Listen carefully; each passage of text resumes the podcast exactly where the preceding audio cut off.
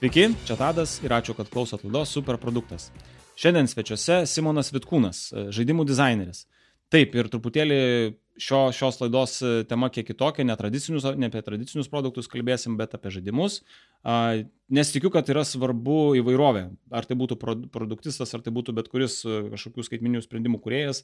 Manau, kad yra įdomu ir svarbu suprasti, kaip procesai atrodo kitur. O žaidimai šiaip man yra įdomi tema. Ir, na, pirmiausia, gal pasisveikinsiu su, su Simonu. Sveika, Simonai. Labas. Tai pirmiausia, ačiū, kad sutikai e, pasidalinti mintimis. Aš trumpai gal tokį intro apie Simoną. Tai e, Simonas yra ilgametis žaidimų dizaineris, žaidimų kuriejas. Dar pasirodo ir God Mode podcast'o autorius, tai vat, jau, jau offline mes truputėlį pasidalinom, Simonas pasidalino rekomendacijų, tips and tricks, kaip tos podcast'us geriau rašinėti ir panašiai. Daro daug, kad esi Game Awards apdovanojimų komisijos narys. Tai žodžiu, rimtai pasinėręs pilną galvą į žaidimų industriją ir tai tą pokalbį taip galbūt ir padėliosim apie tave, apie industriją, tada apie Mighty Beer Games, ką, ką veikiat, kaip kuriat ir ko gero tokia įdomiausia dalis, tai pagal laiką pažiūrėsim, kaip gausis, bet būtent tai kaip kuriami tie žaidimai, kaip jie gimsta, kaip, kaip tam tie procesai atrodo ir panašiai. Tai, va, tai gal pirmas klausimas tada, nežinau, gal, gal kažkoks va, tas intro toks tinkamas, gal dar kažką praleidau, gal dar turiu kažkokio užantį rimtų dalykų.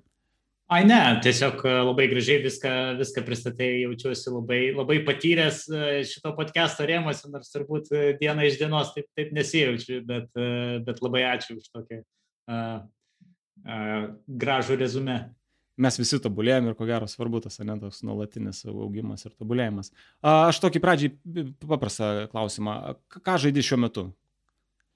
A, aš tai turbūt e, toks ne, nebūsiu tipinis žaidėjas, nes e, aš turbūt visą gyvenimą taip tuos žaidimus žaidžiau, kad man labai traukia naujovės, nauji dalykai ir, ir, ir aš noriu dar daugiau, kaip dar galima. Ir, ir, apriepti kuo daugiau tų žanrų, stilių ir iš kitos pusės tai ir, ir, ir darbo specifika šiek tiek verčia, na, nestovėti vienoje vietoje, neturėti tą tokį savo komforto žaidimą, kur, kur na, gali sumerkti ten daug laisvalaikio laiko, tai aš stengiuosi visą laiką na, kažką, kažką naujo ieškoti. Tai, nežinau, va šią savaitę, kiek, kiek, kiek jos bėra, tai, žodžiu, tokį asmeninių kompiuterių žaidimą Phantom Abyss. Toks naujas išėjo su labai įdomia struktūra, tokia įdomi inovacija iš multiplayer aspekto pusės, tai, tai aš dabar, dabar į, į, į tą sulindęs, bet, bet irgi turbūt, na, nežinau, 10 valandų kokius sužaisiu ir, ir, ir judėsiu, judėsiu toliau.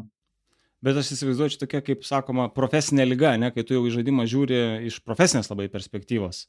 Ar, ar, ar turi laiko pasimėgauti, na, va, tai iš tiesų, kai ten tas panyrė ir ten nebeskaičiuoji laiko, ar, ar ta, ta profesinė dalis vis dėlto įma viršų? Jo, turbūt, turbūt sunku tą save taip perlaužti ir, ir pradėti žaisti išjungus tą uh, užkadrinį balsą, kuris bando pakomentuoti dizaino sprendimus ar, ar technologinius sprendimus, uh, bet uh, na, dažniausiai pavyksta su socialinėje aplinkoje, ne, kai, kai žaidži žaidimus su draugais, kai, kai vyksta dar kažkoks papildomas pokalbis ir, ir tiesiog va, taip laiką leidai, kas karantino metu tai ypatingai tapo aktualu ir, ir populiaru, tai na, tokiais atvejais turbūt labiausiai pavyksta atsijungti ir, ir tiesiog mėgautis. O kodėl apskritai pasirinkai žaidimų kūrimą? Nu, to toks klausimas gal ir keistas, nes, nu, žaidimai atrodo, ne, faina, įdomu, bet, bet vieni nepasirenka tų žaidimų, o pačiam, ar buvo kažkokių priežasčių, vat, nežinau, nuo seno svajonė, ar tiesiog pats šiaip esi žaidimų, nežinau, stalo žaidimų, ten fanatikas ir panašiai.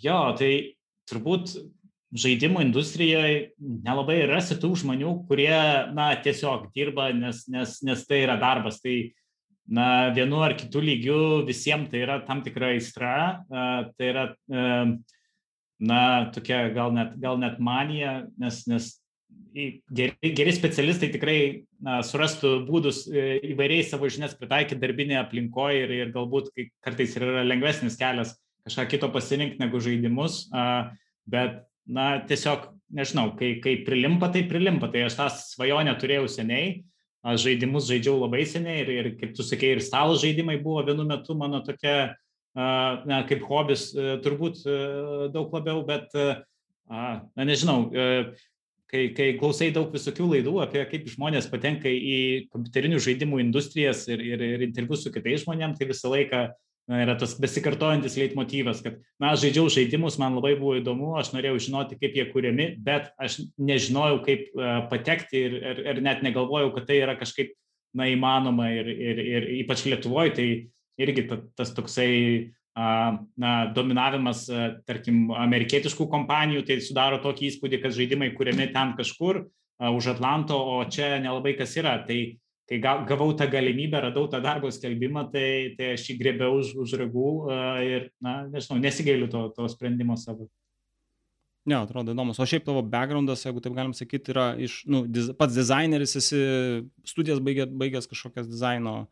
Ne, aš iš tikrųjų studijavau televizijos produsavimą, tai man, man gal tos kūrybinės industrijos mane visą laiką traukė, tai aš tiesiog bandžiau surasti būdą, kaip aš galėčiau uh, na, kitaip kažkaip save išreikšti, gal nebūtinai žaidimais, tai na, aš e, turiu bakalauro televizijos produsavimo ir, ir, ir buvo tam tikros ambicijos dirbti ir televizijoje, ir, ir teko dirbti ir prieš kamerą stovėti, ir, ir reportažus ruošti, skaityti ir panašiai, na, bet e, po to šiek tiek pasukau į reklamą gal labiau, į, į tokią grafinį dizainą, taip toliau, ir, ir na, tie žaidimai kažkaip visai gerai suėjo kaip, kaip toks e, taškas tiek, e, tiek iš grafinės pusės, e, tiek iš, na, galbūt tokios informacijos perteikimo, pasakojimo pusės į tą tokį, nežinau, kulminaciją. Gal.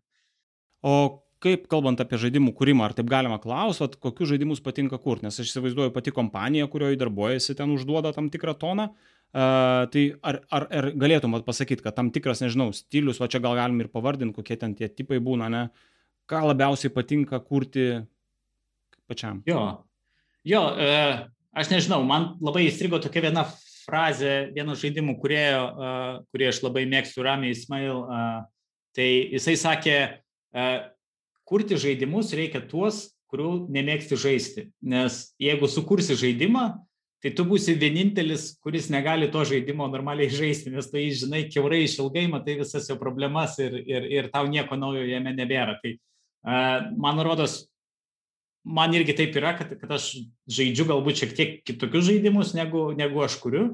Uh, tai, na, aš, aš e, toksai gal asmeninių kompiuterių mėgėjas, mėgstu ir, ir, ir, ir strategijas, ir RPG žaidimus, ir, ir, ir šaudyklių nevengiu, bet, uh, tai minėjau, tai gal tas noras apriepti kuo daugiau žanrų, bet uh, aš dirbu daugiausiai su, ne daugiausiai, o išimtinai su žaidimais skirtais mobiliesiams įrenginiams. Uh, Ir, ir na, nežinau, tas, tas atskirimas man labai kažkaip, kažkaip tinka ir, ir, ir ta galimybė na, kurti kažką, kas e, yra prieinama kur kas platesnė auditorijai negu, na, sakykime, asmeninių kompiuterių žaidimai, tai, tai mane tas irgi labai žavi ir vilioja. Tai, tai nežinau, jaučiuosi gan, gan tokioj savo vietoj galbūt e, iš tų atvejų, o iš na, galbūt tokios bendresnės pusės, kokius, kaip tos žaidimus patinka kurti, tai aš gal labiau sakyčiau, esu toksai, na, kaip dizaineris, labiau sistemų dizaineris galbūt, ar ne, jeigu yra kažkokia, sakykime, tokia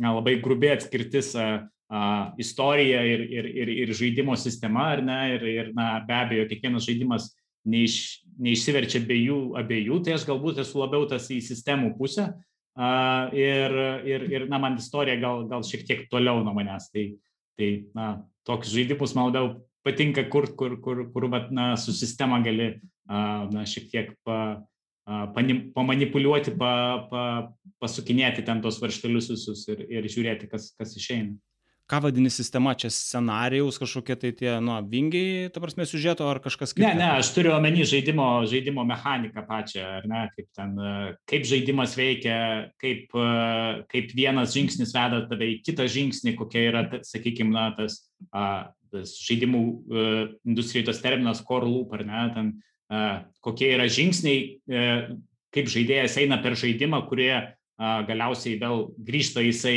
na, į, į tą patį tašką, sakykime, ir, ir vėl, vėl, vėl suka tą, tą, tą kilpą toliau eidamas per, per tuos žingsnius, žinai. Tai, na, toksai gal čia jau, jau user experience gal labiau pusė, bet, bet tai irgi, na, labai, labai tampriai persidengia su žaidimų dizainu. ta tam tikra logika. Nu, mechanika, Jo. tu sakai, ne, tai yra kaip, kaip vyksta žaidimas, iš principo.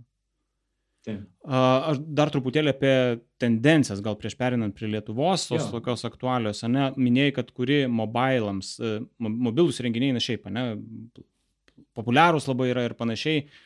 Kaip atrodo palyginus su, sakykime, tais staliniais arba konsolėm? Tai rinka, nu, bendrai ko gero žaidimai augantis yra ta- tas pa- pasaulyje trendas, ne?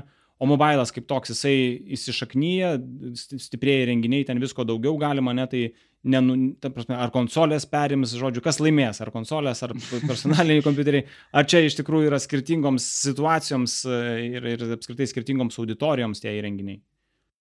Tai turbūt e, čia gerai palėtė tą temą tokią pirmą, nes vat, ką mes kalbėsim toliau, visi tie, visi tie klausimai yra labai sunku juos tampa apibendrinti, kai, kai tu įsivaizduoji tą žaidimų industrijos mastelį.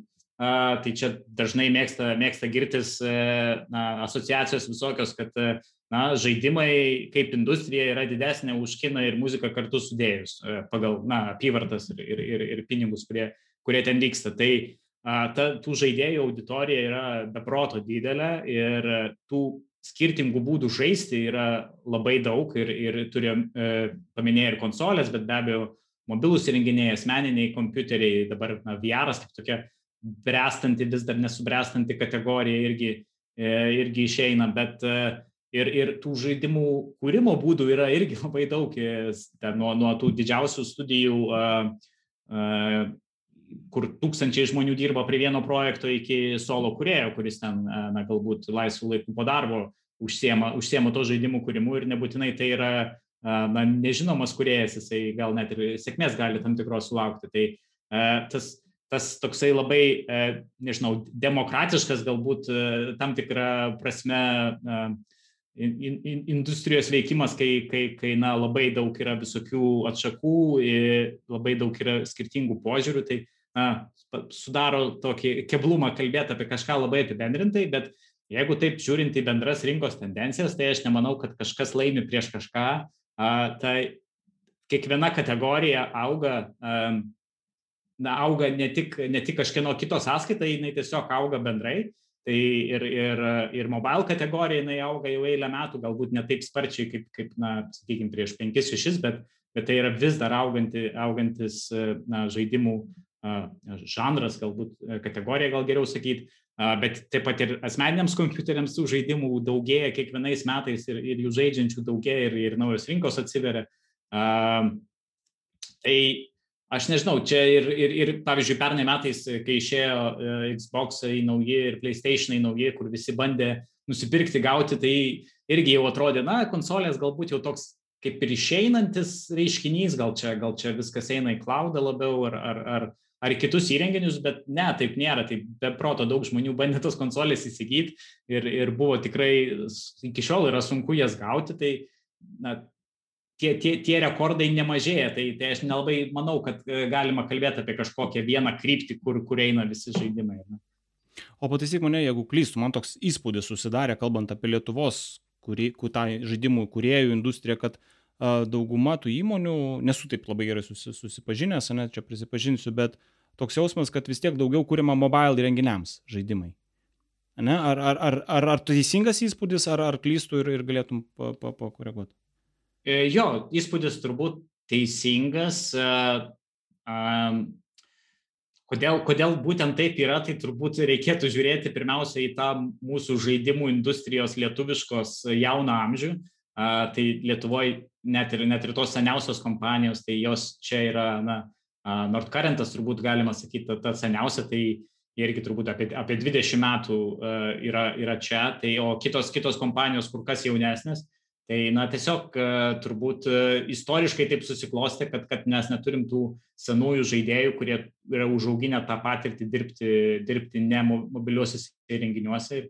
Na, tiesiog turbūt, turbūt taip, taip jau susiklosti, bet iš kitos pusės tai uh, mobile žaidimai kaip, kaip tokia kategorija, jinai, uh, uh, na, sakykime, yra lengviau užkariaujama galbūt. Na, aišku, ten konkurencija yra beproto didelė, bet, uh, bet uh, jeigu, jeigu ant, ant konsolių žaidimų ar ant uh, asmeninių kompiuterių žaidimų, tai yra daug, labai svarbu žaidėjams ir, ir, ir kurėjo vardas, ir kurėjo kažkoks brandas, ir, ir na, visas tas marketingo ciklas prieš išleidžiant žaidimą, kaip sudominti ten ar kažkokią mediją tuo, kas vyksta, ar ten YouTube, kokius nors kanalus tuo savo žaidimu, tai na, mobile auditorijoje tai tie žaidėjai yra na, labiau gal tiesiogiai pasiekiami, ar ne, jie, jie yra tiesiog, na, na, iš tiesų perkami tie žaidėjai yra ta, tas jų dėmesys ir, ir, ir sukūrus kažką, kas, kas gerai paeina, tas galbūt net ir marketingo planas yra toks aiškesnis ir, ir tuo pačiu lengviau ir parduoti tada tą savo sukurtą, sukurtą žaidimą, pavyzdžiui, leidėjams, ne, kurie, kurie gali vertinti jau, jau tą paruoštą produktą, o ne, o ne na, ruošti kažkokį marketingo, marketingo planą iš, iš tos pusės, kaip, kaip, kaip čia tą hypą sukelti, na, tas, tas toksai žargoninis žodis. Tai žodžiu, mobile žaidimus yra ir lengviau sukurti, nu, technologiškai tikriausiai ne, jie savo sudėtingumu paprastesni ir, ir tas pardavimo darba, tas svarbus momentas, ne, acquisitionas naudotojų tie, tų žaidėjų jau šiuo atveju, ne, tai juos irgi. Taip, reikia... na, jis gal aiškesnis, tas takas labiau pramintas tiek, tiek ir lietuviškų kompanijų, tiek ir, ir, ir šiaip bendrai. O klausytojams ir, ir, ir man pačiam įdomu, kokius galėtum paminėti stipriausius Lietuvos žaidimų industrijos, na, kuriejus, tas įmonės, ne, kurios jau Nordcurrent minėjai, pats e, ja. darbavais ilgus metus, kas, kas dar? Uh, jo, Nordkarentas tai toks turbūt e, dramblys, dramblys kambarį yra, jis ir didžiausias, ir, ir, ir, ir na, tikriausiai seniausias, ir e, ne tik Lietuvoje, ir turbūt Baltijos šalyse visose jisai toksai yra. Uh, bet, na, iš tokių uh, gal kitų vertų paminėjimo kompanijų, tai būtų Estoti, irgi tokia na, gal dar saliginai jauna studija, bet ji kuria labai specifinį tokį žaidimų mobiliems renginiams žanrą, hyper casual žaidimus, tokius na, gana ma, mažo, mažo to skaupo, ne, nežinau kaip, kaip lietuviškai išreikšti, bet, bet labai sufokusuotus į tam tikrą žaidimo mechaniką. E, jie irgi turėjo keletą tokių hitų ir, ir, ir jiem neblogai sekasi. Ir kiti turbūt tokie e, įdomesni yra No, Break, no Breaks Games. Tai uh, tokia kompanija, kuri išleido labai sėkmingą žaidimą asmeniniams kompiuteriams, o vėliau ir, ir konsolėms, uh, vadinasi Human Fall Flat, toksai fizika paremtas uh, kaip galvosūkių žaidimas, bet taip pat galima ir, ir, ir kartu su kitais žaidėjais žaisti, toks, na, jau toj, toj kitoj galbūt žaidimų kategorijoje geriausias pavyzdys būtų. O kalbant apie rinkas, ne, ar čia yra kažkoks e, toks, nu, kad global link, į rinką, ar, ar kažkoks yra regionas vis tiek labiau pasirenkamas plėtrai, net ir apie Nordkaren kalbant, ne? Ar tai yra JAF, ar tai yra toks, kaip, kaip pasirenkami tie plėtros e, žaidimo distribucijos regionai? Čia kalbant apie jo, lietuvišką perspektyvą. Jo, jo.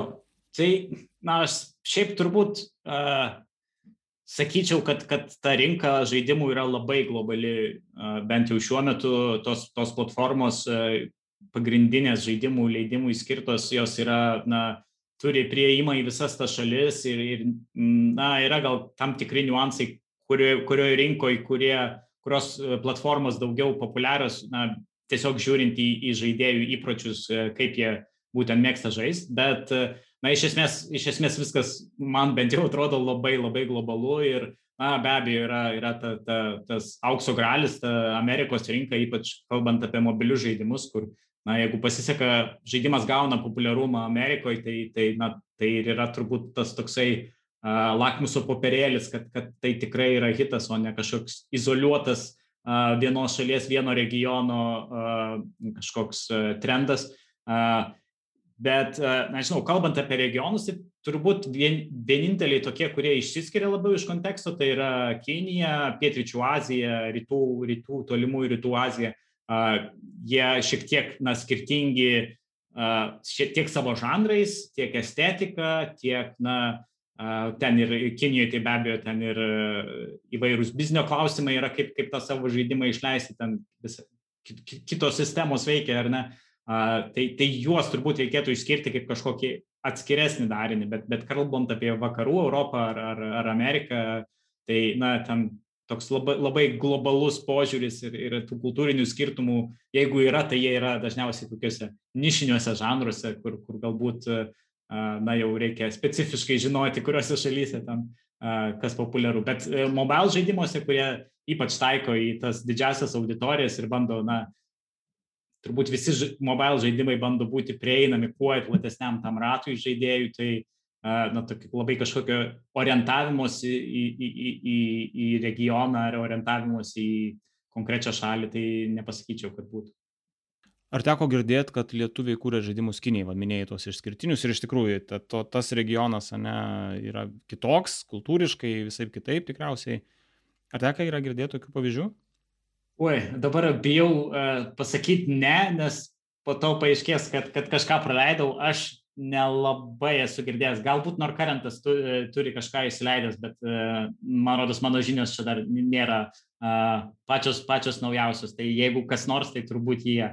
Uh, bet, uh, bet šiaip, tai, šiaip tai ten yra sunku patekti vien dėl to, kad, kad na, reikia turėti tam tikrų kontaktų. Su, su leidėjais Kinijoje, nes pats žaidimo negali išleisti kaip vakarų kompanija, tu turi turėti kažkokią Kinijos kompaniją, kuri na, bus tavo leidėjas, nepaisant to, kad tu pats esi leidėjas visam likusiam pasauliu, tai na, tu turi turėti tą kontaktą ir, ir, ir na, kartais ir tą žaidimą reikia na, pritaikyti uh, Kinijos rinkai tam, tam tikrus pereiti kriterijus. Ne, tai, Taip, taip, tai čia lokalizacijos tos pritaikymas turėtų būti ypatingai svarbus, ko gero, nes nu, kultūriniai dalykai ten kažko labai tokio vakarietiško, gal net apskritai tiems uh, žaidėjams labai neįprasta ir nu, neįtikima bus. Ne? Žinai, vienas dar klausimas, toksai didesnis, toks globalus klausimas apie didelę žaidimų studiją Lietuvoje. Čia gal su to Wargaming ateimu susiję. Nu, ir bus ta studija, jinai čia vis tiek iš Baltarusijos kilus per visą pasaulį ofisų yra. Bet klausimas, atminėjai, industrija Lietuvos yra jauna. Taip, nu, ta prasme, nedaug tų įmonių saliginai, pati Lietuva nedidelė. Ar realu Lietuvai turėti tą vadinamą AAA žaidimus kūrenčių, kūrenčią studiją. Čia klausytojams AAA tai vadinasi, na, didelio biudžeto, didelio apskritai, ne, populiarumo žaidimai, nu, va, aš žaidžiu Vičerį. E, labai kartais, ta prasme, bet, nu, va, gal tu, tu geriau paminėtų mane, bet iš, iš, iš esmės tie, tie žaidimai, kurie sukasi ten visus per Xbox'us, ne, ten kažkokie pagrindiniai ir, ir panašiai. Tai ar, ar mums realu mažai rinkai kada nors turėti ir ko reikėtų tokiam užmojui? Jo, čia turbūt ta diskusija visą laiką kyla, vat, kaip tu sakei, kai apie Vičerį pradėjai kalbėti, kai žiūri į Lenkiją ir, ir, ir, ir varbini tą seilę, tam, na, kaip, kaip žaidimų kuriejas, ar ne, kodėl, kodėl, kodėlgi Lietuvoje negali būti kuriamas ten ne Vičeris, o ten koks nors lietuviškas vaidilius ar panašiai. Bet uh, Nežinau, tas, net, net į tą Lenkų pavyzdį žiūrint, tai, tai pas juos ten dideli tie augimo ir skausmai ir, ir iki šiol jie tęsiasi ir, ir su paskutiniu tuo jų cyberpunk žaidimu irgi matosi, kad na, tikrai ne visi klausimai, tiek organizaciniai, tiek kultūriniai ten, ten buvo išspręsti toj kompanijai. Tai taip, jie kūrė tą AAA žaidimą, bet čia turbūt gal labiau tokia išimtis būtų negu taisyklė. Ar įmanoma Lietuvai? Aš tai manau, kad įmanoma. Tai nėra kažkas, na, kalbant apie mūsų ten šalies dydį, ar, ar, ar čia kažkokių specialistų mums labai jau trūktų, kad mes kažko neturėtume. Aš manau, kad tie, mes, mes yra įmanoma Lietuvoje tai susikurti. Aš dabar, kai, kai, kai dirbu Mighty Bear Games, tai kompanija, kuri yra iš Singapūro, tai šiek tiek pradėjau žiūrėti, kaip, kaip ten Singapūro žaidimų industrija gyvena. Tai, Tai irgi ta šalis nėra kažkokia labai didelė, bet na, jie turi, pavyzdžiui, Ubisoft studiją Singapūrė, kur, kur daug žmonių dirba prie na, jų ten tokių flagmanų žaidimų, tų didelių franšizų. Tai, na, bet iš kitos pusės, tai va, tie patys visi didėjai žaidimai, na, jie dažniausiai net nėra kuriami vienos studijos, jie yra kuriami studijų tinklo. Tai, tai ten kartais ir, ir penkios, šešios ir, ir daugiau e, visam pasauliu išsimėčiusių studijos tarpusavį bendradarbiauja, padėdamos uh, vieni kitiem, nes, nes na, turėti šitiek daug resursų uh, įdėti į, į, į vieną žaidimą, tai na, labai sunku tai, tai suorganizuoti vienam, vienam mieste, vienoje šalyje, vienai kompanijai. Tai uh, čia turbūt toksai būtų tiesiausias mums kelias į, į, į AAA žaidimų kūrimą, kad kokia didelė, didelė platforma, didelė, didelis leidėjas nuspręstų, kad e, plėtros planams yra labai tinkama vieta Lietuva ir mes čia norim kurti savo kompaniją ir, ir, ir e, kelt specialistus, samdyti čia ir kurti, na, e, kurti didelius produktus būtent Lietuvoje. Tai na, galbūt, kad tai įvyktų, tai pirmiausia, aš tai sakyčiau, ta Lietuvo žaidimų industrija turėtų tokiai būti, na, nežinau, sveikesniai būsenoj, nes kol kas yra, na, bent jau mano akimis, tokia gana uždara. Tie žmonės tarp kompanijų netaip daug maišosi, netaip daug migruojasi, tas ži, apskaitimas žiniomis bendrai, bendroje industrijoje paėmus, tai yra labai gerų iniciatyvų, bet jisai, jisai vyksta, man rodos, per mažai ir na, reikalingas tam tikras, na, nežinau, toks specialistų kokybės ženklas, ar ne, kurį, kurį galėtų pamatyti tie didėjai leidėjai prieš ateidami į Lietuvą, kad na, tikrai, tikrai čia mes galime surasti ar, ar, ar dailininkų aukštos kokybės, e, kurie gali 3D dirbti ar, ar, ar 2D ar, ir, ir taip toliau ir panašiai. Tai, e, na, tokio, tokios gal rekomendacijos stipresnės reikia. Wargamingo ateimas į Lietuvą, tai čia tikrai tokia rimta naujiena buvo ir, ir, ir, ir rimtas, rimtas pareiškimas, kiek jie minėjo, kad samdys 3-400 žmonių Vilniuje per kelias metus, tai na, čia jie, jie, jie bus didžiausi Lietuvoje žaidimų, kurie, jeigu jie tiek žmonių suras, bet iš kitos pusės, tai jie irgi na, žada kurti mobilius žaidimus skirtus mobiliems įrenginiams čia Lietuvoje. Tai, na, tai, tai yra aišku šaunu, bet jeigu, jeigu yra planas sukurti Lietuvoje AAA žaidimą, tai, tai tai nėra visiškai galbūt ir tai, nes tos, tos dvi kategorijos, ne, kur galėtume išskirti mobile žaidimai ir ne mobile žaidimai, tie, tie jau tokie, uh, nežinau, kaip hardcore ar ten core vadinama. Tai, tai jie, jie pakankamai skiriasi pagal tiek savo procesus, tiek pagal uh, na, visą uh, know-how ir, ir, ir na, visus tuos dalykus. Tai nėra tokia kategorija, kur, kur tiesiog labai lengvai gali peršokti vieną, vieną dieną kūrėm mobile, o dabar, dabar žinokit, darysim, darysim AAA produktą. Tai, na, ar įmanoma taip, bet čia reikėtų žiūrėti turbūt ilgoj perspektyvoje ir, ir 10-15 metų ir pajungiant visus įmanomus na, galimybės, įskaitant ir aukštąjį mokslą, turbūt Lietuvoje tą, tą kokybę na, ruošimo būsimų profesionalų, kad jie galėtų dirbti globalioje žaidimų industrijoje. Žodžiu, reiks truputėlį palaukti to žaidimo apie lietuvius pagonis, kurie ten į vakarus, ne? Po. Ne, aš, aš, aš nemanau, kad, kad, kad kada nors, jeigu, jeigu apie pagonis turėjau menį, tai aš nemanau, kad toksai kada nors bus, nes tas, na, Lenkų pavyzdys su, su raganium, tai jisai buvo labai, labai geras, turbūt pirmoji vietoje dėl to, kad jie turėjo tą ir vidinę rinką žaidimų egzistuojančią jau. Jie galėjo sukurti raganių žaidimą ir turėti galbūt nelabai daug ir, ir, ir ne per daug tų žaidėjų.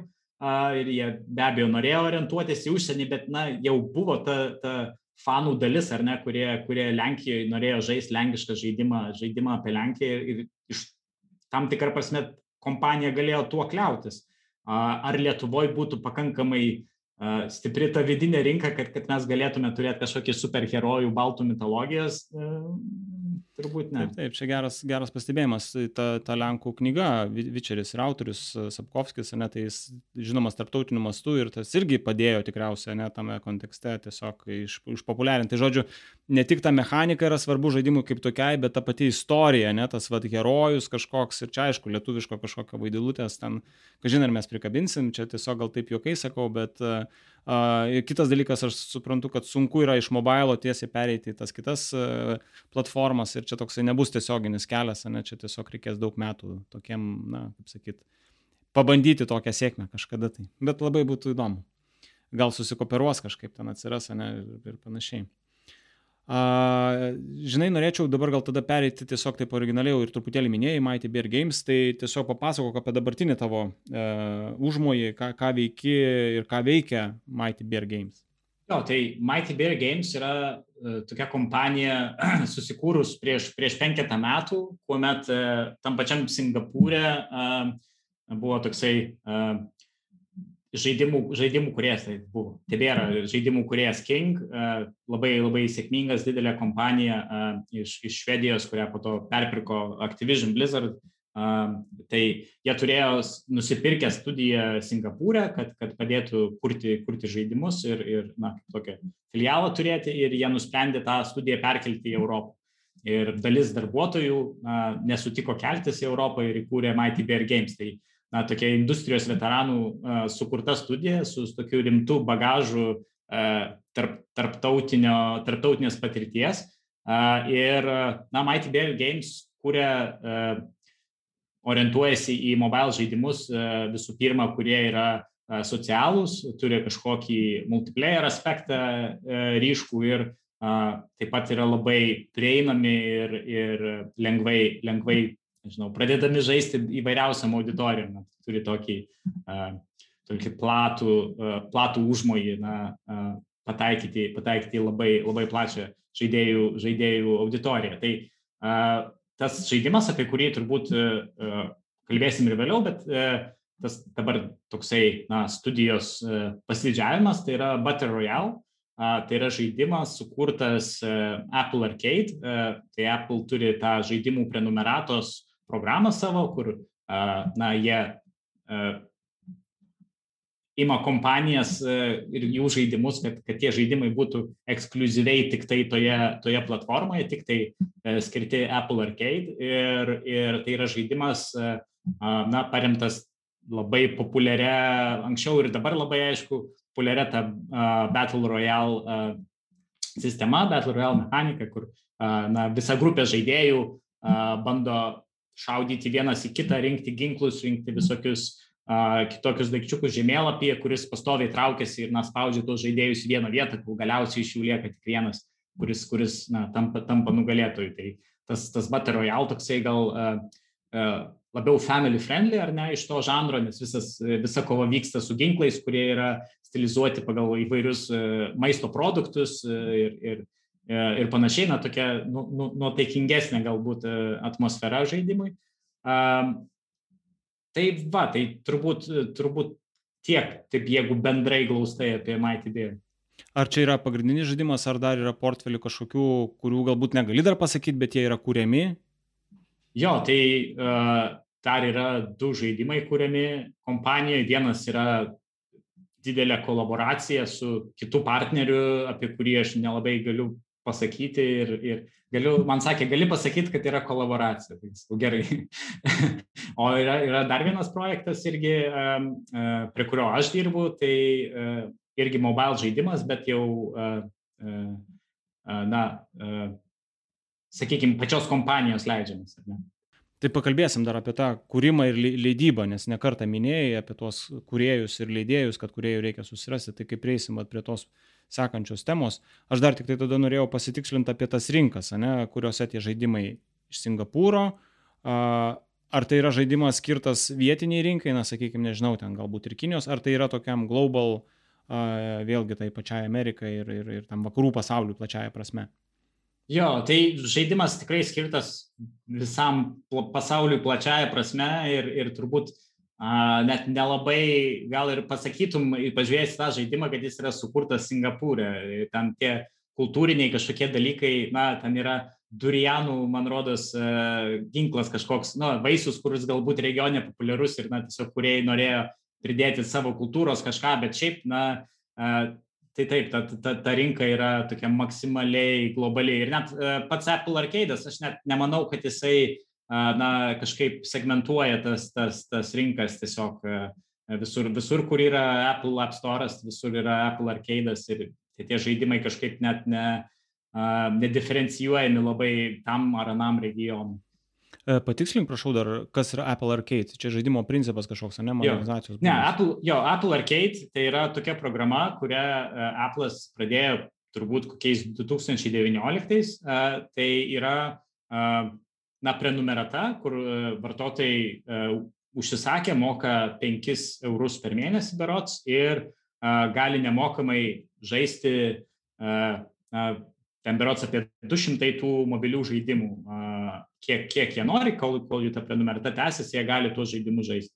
Tai, na, čia turbūt, jeigu žiūrint taip bendriau, tai toks Apple atsakas į, į, į na, tą free-to-play žaidimų, na, free-to-play, na, tai yra tie nemokami žaidimai, kurie vėliau turi vidinius pirkimus žaidimo viduje, kur žaidėjai gali dažnai ir neribotą kiekį tų pinigų išleisti, žaisdami žaidimą, na, toksai, na, kaip atsakas, bandymas, na, pateikti tam tikrą alternatyvą, nes bent jau istoriškai, tai, tai Apple su žaidimais turi labai tokį keistą santyki, nes šiaip tie, tie, tie žaidimai iš, iš App Store, mobilus, jie uždirba daug pinigų ir, ir tiek žaidimo kuriejams, tiek, tiek ir pačiam, pačiam Apple, kuris pasiema rimtą 30 procentų tą, tą komisinį mokestį už, už kiekvieną pirkimą. Bet tuo pačiu metu tai nėra kažkoks numylėtas vaikas to Apple, jie na, vis bando uh, kažkaip uh, į priekį labiau stumti tuos, tuos vadinamus anksčiau premium žaidimus, ar ne, kur, kur tiesiog kaip, kaip aplikacija, kur nusipirki ir, ir turi, na, sumokėjau ten 3 eurus ir dabar turiu šitą žaidimą ir daugiau man nereikės pinigų jame leisti, aš jį žaidžiu kiek noriu. Tai, uh, tai jie labiau tuos žaidimus visą laiką stumdavo ir, na, kaip tokia alternatyva turbūt uh, ypač žaidimų kuriejams uh, buvo ta sukurta Apple Arcade, kuris, na, uh, tiesiog ieško žaidimų kuriejų ir leidžia žaidimus ekskluziviai tai platformai, bent jau, bent jau mobile rinkoje. Super, dar panagrinėsim tada monetizacijos būdus, gal, galimai kitokius, ne? A, tai pereikim tada prie tos uh, final dalies uh, pokalbio ir jau tada iš lėto pabandom pasikalbėti, man, man labai įdomu apie patį tą procesą kūrimo nuo iki. Tai aš taip pradžiai sakau, nu, okei, okay, tai kas pirma, kai pradedi kur žaidimą, nu, kas idėja turi būti kažkokia tai produkte, nu tai ten gimsta, ne, founderis turi problemą kažkokią, sprendžia problemą, user needs yra kažkokie. Kaip yra su žaidimais? Atrodo, pilna tų žaidimų visokių, ne, ir va tas Battle Royale yra kažkoks paimtas mechanika, kuri jau yra populiari ir ten uždėtas, va, okei, okay, ne ginklai, bet uh, daržovės kažkokios, ne, tai bet, bet kuriuo atveju pa, pa, papasakok, kaip gimsta ir tada vis tiek, kai gimta ta idėja, tai idėja šiaip yra niekas, reikia to į, į, įgyvendinimo, tai kas ten vyksta toliau, prasitestuojat, validuojat, kaip tai atrodo. Jo, tai turbūt kalbant apie idėjas, tai vėlgi kažkokio vieno, e, vieno būdo, kaip prieiti prie to nelabai yra, nes, na, kaip, kaip tu ir sakei, tai, tai e, yra ne tik, ne tik produktas, ne tik kažkoks a, e, a, programinės įrangos produktas, kuris kažkaip veikia, tai tuo pačiu yra ir na, kūrybinis darbas, tam tikras menas ir, ir na, visi tie dalykai, kur, na, kaip, kaip atsiranda idėja knygai, kaip atsiranda idėja filmui. Tai čia turbūt e, tų skirtingų istorijų labai įdomių yra labai daug, bet kažkokio vieno teisingo prieimo nėra. Bet, e, na, kalbant apie tos galbūt labiau mobile žaidimus, į, į, į, į, na, į komercinę pusę, ne į meninę pusę orientuotus žaidimus, tai, na, tos idėjas dažnai iš tikrųjų gimsta iš e, kitų žaidimų. Gimsta iš žaidimų, kur, na, nežinau, galbūt dizaineris ar, ar, ar net nebūtinai dizaineris žaidžia žaidimą ir mato kažkokį dar neišpildytą jo potencialą, kur, na, žaidimas, tarkim, turi auditoriją ar žanras visas turi auditoriją, bet, na, vis dar kažko trūksta, vis dar kažkur galima judėti prieki. Ir jeigu ta auditorija yra ir ta auditorija galbūt galvoja panašiai, tai na, galima pabandyti na, tam tikruose rėmuose jau pažįstamo, pažįstamo žanro inovuoti ir, ir kurti kažką, kažką savo su, uh, su tam tikrais uh, na, pakeitimais to, kas jau yra nusistovėję. Bet iš kitos pusės tai, tai nebūtinai yra tas vienintelis kelias žiūrėti tai, kas egzistuoja, tarkim, kompiuterinių žaidimų, na, asmeniniam kompiuteriams skirtų žaidimų aš minėjau, ką aš daug žaidžiu, tai tie indie žaidimai sukurti nedidelių studijų, ten iki dešimt žmonių, sakykime, kurie turi labai drąsų požiūrį į tai, ką jie kūrė ir labai tokį stiprų meninį užsidėgymą ir, ir tą viziją ryškę ir, ir na, ten yra turbūt labai daug įvairių pavyzdžių, žaidimų sukurtų, na, neturint kažkokio ankstesnio žaidimo pavyzdžio, kur, kur tiesiog kažkoks, nežinau, įkvėpimo, įkvėpimo pirštas e, buvo pa, pa, palietęs e, kažką ir, ir na, gimė ten kažkokia a, labai įdomi žaidimo idėja ar, ar, ar, ar panašiai ten.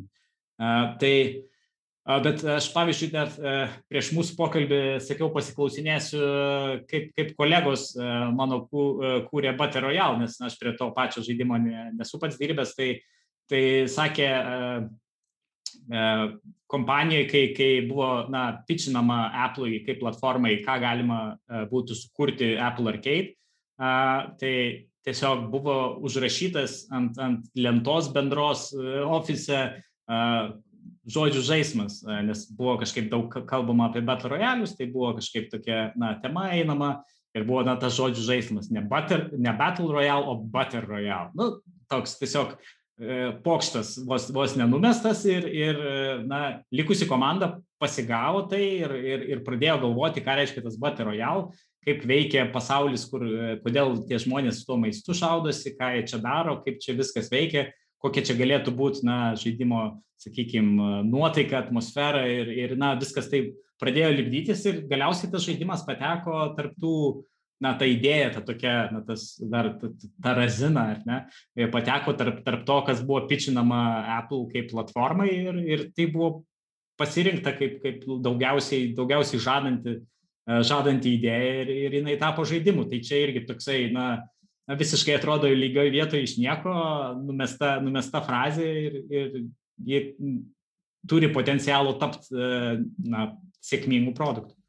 Va šitą, šitą dalį labai man patiko, e, nu, norėčiau pagilinti. Ar teisingai supratau, kad žaidimo dar nebuvo, buvo va, tiesiog idėja, kas yra nu, toks tradicinis kūrybinis procesas, nesumaišyk skirtingas kažkokias idėjas ir kažką gausi, pasigavo komanda ir buvo pitchinta Apple'ui. Tai Apple'as nupirko realiai ne, nesubildintą produktą, ar teisingai sakau, čia toks labai geras šiaip, nu, apraučas yra, ne, pirmą parduodam, tada padarom. Ar, ar panaš, panaši situacija ir čia buvo? Jo, tai e, turbūt labai skirtingai būna su tuo vat, pardavimu, kaip, kaip žaidimų kuriejas bando, bando parduoti tą, tą produktą, nes, na, e, leidėjų, ne, kuris, kuris turi pinigus ir gali, gali na, leisti finansuoti tą, tą, tą procesą gamybos. Tai E, na, vienas, vienas dalykas yra, kai na, tai yra daroma, tarkim, kompanijos viduje, ar ne, kur na, mes kuriam žaidimą, mes patys busim šito žaidimo leidėjai, tai bus mūsų pinigai, kompanijos skirti šitą dalyką finansuoti, tai, na, tai vyksta kompanijos viduje tas, tas visas procesas ir taip nu, labai skirtingai, skirtingos kompanijos prie to prieina, ar ne, kaip, kaip sukurti kažką naujo, ką mes, e, ties kuo mes dirbsim toliau. Jeigu kalbėt apie, tarkim, asmeniam kompiuteriam skirtus žaidimus, tai da, ypač, ypač tuos indie žaidimus, kurie, kurie ieško, ieško pinigų, tai na, dažniausiai vis tiek kažkoks bent jau pirminė žaidimo versija, kažkoks prototipas dažniausiai jisai būna, bana, bandant parduoti, einant į, į, į, į susitikimus su leidėjais, kad na, bent jau turi uh, parodyti ir savo idėją kažkokioj formoj, ne tik ant popieriaus ir, na, tam tikras savo techninės galimybės, na, pradėti tai įgyvendinti, e, kad, kad na, būtų tas pasitikėjimas. Bet e, konkrečiai Mighty Bear Games atveju, tai e, kompanija buvo prieš tai išleidus du žaidimus ant, ant Apple, Apple App Store ir jie buvo irgi orientuoti į tą multiplayer žanrą, tai kompanija jau kaip ir turėjo tiek kontaktus iš, iš Apple pusės leisdama tuos žaidimus, tiek turėjo tam tikrą pasitikėjimą iš techninės pusės, kad, na, galima pasitikėti, kad, kad bus įgyvendinta, įgyvendintas tas užmojas, kuris, kuris matomas tik tai tokiai labai jau pirminiai, pirminiai formai. Bet taip, tas, tas pičinimas, jisai buvo kitos, kitos idėjos, kiek žinau, jos daugiau laiko praleido orkai, tai daugiau ten pakėpė gal savaitę kitą, bet tai ne, ne, ne vienas nebuvo kažkoks, kažkas ką, ką būtų galima pažaisti, tai iš esmės buvo e, pičinamos ir parduodamos dar nesukurtos žaidimo idėjos. O, o sakyk, ar būna vat, kažkoks, taip vadinamas, MVP produkto, kuris, na, vat, tą pačią idėją, nežinau, čia jau minėjai, kad yra jau leidėjas, jisai pasirašo ir tada vyksta kūryba ir tikiu, ten yra įtraukiami naudotojai, tie žaidėjai, ne, kurie duoda galbūt grįžtamą ryšį. Ar yra tokių atvejų, ar yra naudojamas toks terminas žaidimų industrijoje, ne, MVP, nu nežinau, M, M, Minimal Playable yeah. Game kažkoks, yeah. ne, ten, tipo, vat. Yeah jo, yra atitikmuo ir, ir dažnai pas, pas, kaip minėjau, jeigu, jeigu na, neturi to iš ankstinio užsakymo, kaip na, Apple Arcade'as turėjo, kad na, jiems, jie turi platformą, jiems reikia ją užpildyti žaidimais ir jie dabar na, bėgioja tarptų kompanijų, ieškodami, kas galėtų padaryti tos, tos žaidimus. Tai jeigu nėra tos situacijos, o tu tiesiog esi žaidimų kuriejas, tai dažniausiai tu na, turbūt bandysit pičinti tai, kas yra vertical slice. Ar netgi kompanijos viduje, manau, manau irgi, irgi naudojamas dalykas. Tai vertical slice yra na, minimalus kiekis turinio, sakykime taip, žaidimo, kuriuo galima parodyti vis, visas žaidimo sistemas, visus žaidimo komponentus, visus, visą tai, kas bus galutiniam produkte, bet kar dešimt, ar ne, nes, nes reikia ten vietoj, vietoj uh, 20 lygių turim vieną lygį, vietoj 5 veikėjų turim vieną veikėją, vietoj ten 6 ginklų turim vieną ginklą, bet vat, šitų vat, e, dalykų užtenka, kad mes galėtume na, sudėti, sudėti tą vertical slice, e, kurį, kur, kurį jau būtų kažkiek įdomu žaisti ir, ir na, būtų galima suprasti geriau, koks bus tas galutinis produktas. Toks suvaldytas kaupas ir šiaip yra produktus, kuriant irgi tai, tas yra naudojama tiesiog, ne, apsibrėžiant kažkokį tai funkcionalumo apimti ir ne tik tai ten iš kažkokios UI perspektyvos, bet per visas sistemas, kaip sakai, ne, tai kaip veiks tenai backendė, kokios duomenų bazės ir kažkaip tai, tai čia irgi tiesiog va, tas visas siauras kažkoks, bet per visas susijusias galimas dalis, tai labai labai fainai. A, gerai, jau minėjai vieną dalyką, ne, apie tai, kad, na, okei, okay, yra idėja ir tos galimybės turi atsirasti, ne, kažkaip ta, tas žaidimų kuriejas, jisai turi pa pademonstruoti, kad tai gebėtų sukurti, ne. A, kokie yra specialistai tipiniai, kai kalbam, ne, apie žaidimų kūrimą. Nu, vat, visas rolės, kurios galim kaip pavyzdį galbūt Battle Royale imti, ne, arba šiaip vat, apibendrinti labiau. Jo, tai turbūt e, atskiriant e, na, tas e, management ir, ir, ir growth departamentus iš tų, kas dirba tiesiogiai su, su žaidimu diena iš dienos. Uh, tai turbūt trys tos pagrindinės kategorijos yra dizainas, uh, uh, engineeringas ir, uh, ir artas. Uh, tai čia tokios, nu, trys, trys didžiausios, uh, kurios, na, tam tikrais momentais persidengia, tarpusavį yra kažkokios tarpinės rolės, bet, bet na, beveik turbūt visas rolės būtų galima į, į šitus tris krepšelius uh, sudėti. Uh, tai, na, uh, turbūt su engineeringu čia nelabai ką, ką nustebinsiu, frontendas, backendas, ten uh, įrankių kūrimas, uh, ypatingai tai, ką naudos po to dizaineriai arba, arba uh, arto departamentas tarp, tarp arto m, yra na, irgi labai toks e, pasiskirstimas e, specializacijom. Tai čia, na, aš dar pasikartosiu, kad čia, čia kalbu turbūt apie tos, tos didžiuosius projektus, ar ne, kur, kur, kur, kur daug žmonių dirba ir, ir na, tie žmonės gali leisti savo specializuotis tam tikrose uh, tam tikrose domenuose tų žinių ir, ir jeigu, jeigu dirbi mažesniai komandai, tai, tai turbūt a, tas, tas ir dailininkas tas kelias kepurės vienu metu turi dėvėti ir, ir, ir būti e, keliose kategorijose vienu metu, bet tai dažniausiai būna a, 2D dailininkai, 3D dailininkai, a, a, efektų, efektų dailininkai, a, yra tokia dar kategorija techniniai, techniniai dailininkai, kurie yra, na, tokia galbūt riba tarp a, inžinieringo ir, ir, ir, ir arto, kuris na, prižiūri, kaip, kaip e, viskas, kad teisingai patektų į žaidimą ir, ir tam tikri a, techniniai užda, uždaviniai, kur, kur reikia ir meninių, meninio pojūčio, ir techninių žinių a, tenka dažniausiai. Koncept artistai, a, tai na, dailininkai, kur galbūt a, dirba daugiau su pačia koncepcija, meniniu stiliumi ir, ir taip toliau, nebūtinai tai, kas eina tiesiai į žaidimą. A, nežinau, dar, dar turbūt pamiršau keletą animatoriai be abejo, kur, kurie, kurių darbas yra na, tas 3D ir D modelius atgaivinti, kad, kad jie na, teik, teiktų džiaugsmą ir, ir UI dailininkai taip pat. Tai jo, tų, tų kategorijų šiaip, šiaip tikrai yra daug ir, ir, ir kuo didesnė kompanija, tuo ta specializacija yra gilesnė.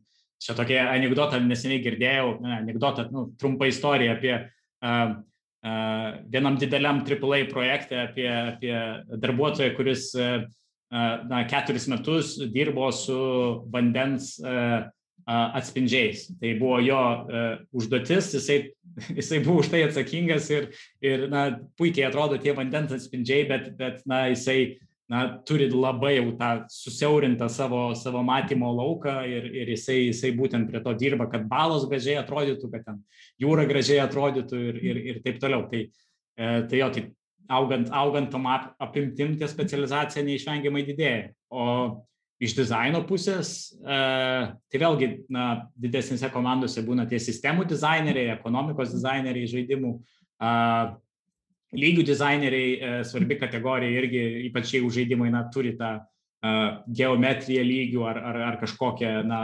apribojimą vieno lygio metu, ką, kur žaidėjas gali daryti, ką, kur eiti, jeigu tai nėra kad kažkoks labai atviras ar abstraktus žaidimas, ar ne. Rašytojai irgi tokia pereinama rolė, dažniausiai vadinama narrative designer, ar ne, tai, tai, tai kaip ir dizainas, bet tuo pačiu labai, labai su polinkiu į, į istoriją, į tą visą žaidimo naratyvą, struktūrą ir visus tuos dalykus. Tai, tai jo, tai tų, tų rolių yra nemažai, bet, na, Battle Royale, tai, tai bent jau, bent jau kiek, kiek pasiklausinėjau, tai yra ta, ta, ta, ta migracija tarp tų rolių neišvengiamai ir tiek, tiek visuose departamentuose, tiek engineeringo tiek, tiek arto reikia, reikia na, kaip, kaip pavyzdys būna visa geibė įvairių uh, grafinių dalykų, kurie, kurie nepatenka į žaidimą, bet reikia ten nupiešti ir banerį, ir, ir App Store apipavydalinti, ir logotipus papaišyti, ir dar kažką galbūt uh, galbūt tai nėra kažkokia atskira rolė komandai, bet, bet kažka, kažkas tą darbą turi padaryti ir, ir, ir na, tai, tai daug, daugelis tų specialistų yra kažkuria prasme ir generalistai tokie, ar ne, kur, kurie, na, esant, esant reikalui tikrai gali padaryti nemažai. Taip. Nu, tai čia vėlgi nuo to pačios komandos dydžio, ne, kaip ir minėjai, tas geras pavyzdys, kuo didesnė organizacija, tuo didesnė specializacija, siauresnė darbų užduočių, tas kaupas irgi toks siauresnis, ne, nu, ten vat, vandens paviršiaus atspindžiai tavo atsakomybė tokiu atveju. A, aš dabar galvoju taip, mes dabar kūriam produktą, neturim komandą, jį kūriam, a, ar yra kažkoks terminas, gal kaip pavyzdį tą patį Battle Royale ar dabartinį produktą, kurį kūrėt, žaidimą, kurį kūrėt, kažkoks vis tiek timelinas yra numatytas, kiek laiko užtrunka kūryba, gal kažkokie ten etapai dar yra, ar galima kažkokį tai vidurkį išvesti, kad vidurkį, vidurkį išvesti galima, bet jisai turbūt nieko nepasakys apie, apie nu, tai viską. Nes, imkim pavyzdį jo, tada kažkokį. Jo, jo, jeigu pavyzdį, tai Battle Royale'is buvo sukurtas prieš šešis mėnesius. Nuo, nuo to, kai Apple sakė OK, iki tol, kai na, buvo atiduotas galutinis žaidimo buildas į, na, į platformą. Tai dar, dar ne išleidimo momentas, bet, bet jau atiduotas galutinis produktas. Tai yra šeši mėnesiai. Tai čia yra toksai labai trumpas laiko tarpas ir, ir, ir na, labai buvo susifokusuota gerai į, į tą, tą ko, ko tikrai reikia, kad, kad žaidimas būtų smagus ir kad, kad būtų galima jį leisti nesigėdėjant. Tai jeigu, jeigu taip grįžtant prie tų etapų, tai na, vienas iš tokių žingsnių jau dažniausiai vykstantis po to, kai, kai ta, tas kažkoks pičas praeina, tai yra tas uh, žaidimo preprodukcija, tie paruošėmėjai darbai, uh, kas daugiausiai liečia žaidimo dizainą, uh, kurį reikia, na, kad, kad galėtume įsivertinti, kiek ir paruošti planą, kaip, kaip viskas toliau vyks, tai na, reikia padaryti tą, tą tokį pirminį, pirminį apmatą, tuos greučius žaidimo, kaip kas, kur, kodėl. Ir, ir ko tikrai reikia, ko galbūt, na, nice to have, bet galima, galima vėliau uh, kažką prisidėti. Uh, bet ir tuo pačiu uh, čia įeina ir, ir iš meninio stiliaus žaidimo, kaip jisai turėtų atrodyti, kad na, būtų galima jau atėjus į tą produkcijos stadiją daryti mažiau ieškojimo, daugiau, daugiau to, to didelio darbo, kurį tikrai na, dailininkai žaidimuose gauna milžinišką krūvį e, ir, ir tikrai padaryti, jie, jie turi labai daug ir, na, bent jau, bent jau Mighty Bear, e, tai dailininkai yra tas didžiausias departamentas, kur, kur daugiausia žmonių, žmonių ten dirba. Tai jo, tai padaryti tą, tą pasiruošimą, pasiruošimą tam darbui taip pat. Ir, nežinau, pradėjus, pradėjus tą produkciją, tai dažniausiai tie uh, etapai, uh, žingsniai, tai prasideda nuo to, arba MVP, arba tas vertical slice, arba dar, dar sako first playable, na, kai jau gali kažką, kažką nuveikti žaidime, bet, bet na, nėra dar, dar visko, kas turėtų jame būti. Na ir, nežinau, alfa, beta uh, ir, ir panašus dalykai, čia jau, čia jau turbūt nuo kiekvieno projekto labai priklauso, uh, kas konkrečiai įeina į kiekvieną alfa, kas į, į, į beta, kokie yra tie, uh, na, tiek, tiek turinio prasme, tiek funkcionalumo prasme, kokie yra uh, esminiai dalykai, uh, nuo ko reikia pradėti ir, ir prie ko judėti toliau. Tai čia turbūt labai sunku taip apibendrintai išnekėti, bet dažniausiai ant, ant, ant pačio galo lieka tas laikas tam vadinamam polišui.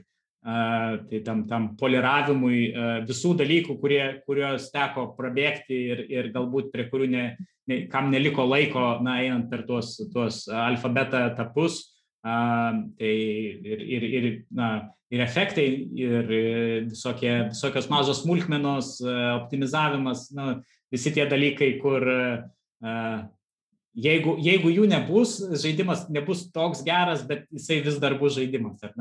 Nors, nors iš kitos pusės tai, tai labai daug prideda na, tam, tam pojūčiui žaidimo, kad, kad žaidi kažką tikrai, uh, tikrai smagaus, kokybiško, tam žai, uh, game feel net toksai terminas yra, uh, kurį, kurį naudojam, kalbėdami apie, apie žaidimus, bent jau industrijoje, kad, kad na, žaidimas turėjo gerą feel, ar ne.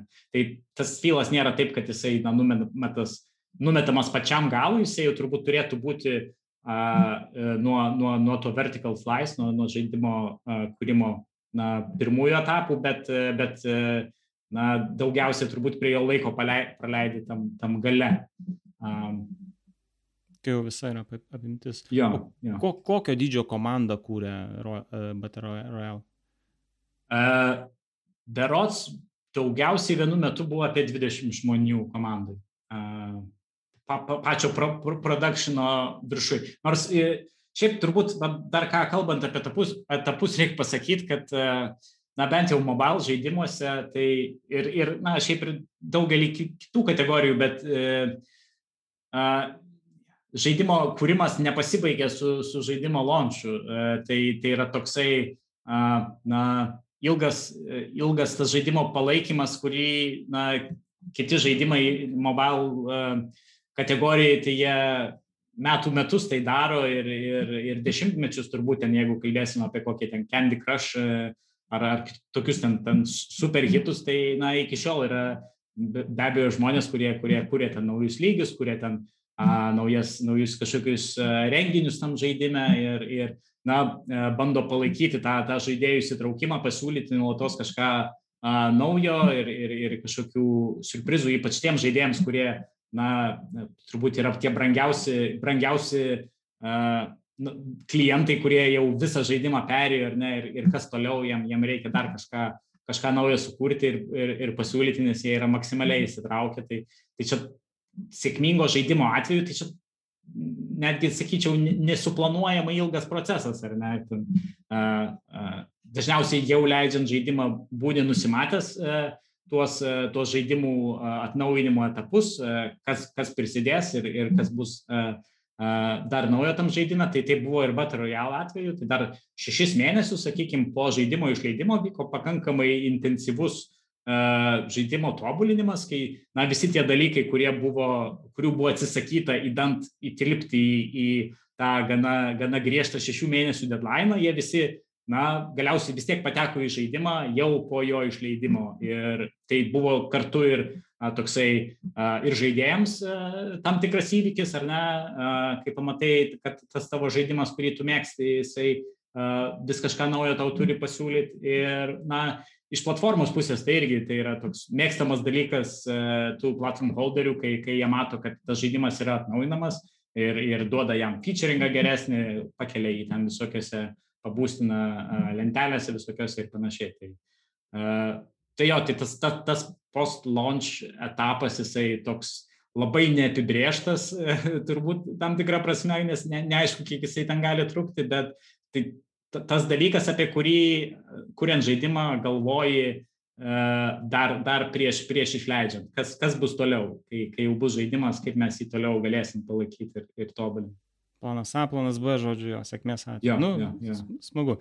E, dažnai norėjau truputėlį sugrįžti į tą tavo minėtą pre-production tą etapą, kai va, tas, tas, kaupas uh, daromas ir suprantu, tavo yra dalis darbo tikriausiai, ne, va, apsibriežti, tai o kas bus tam žaidime.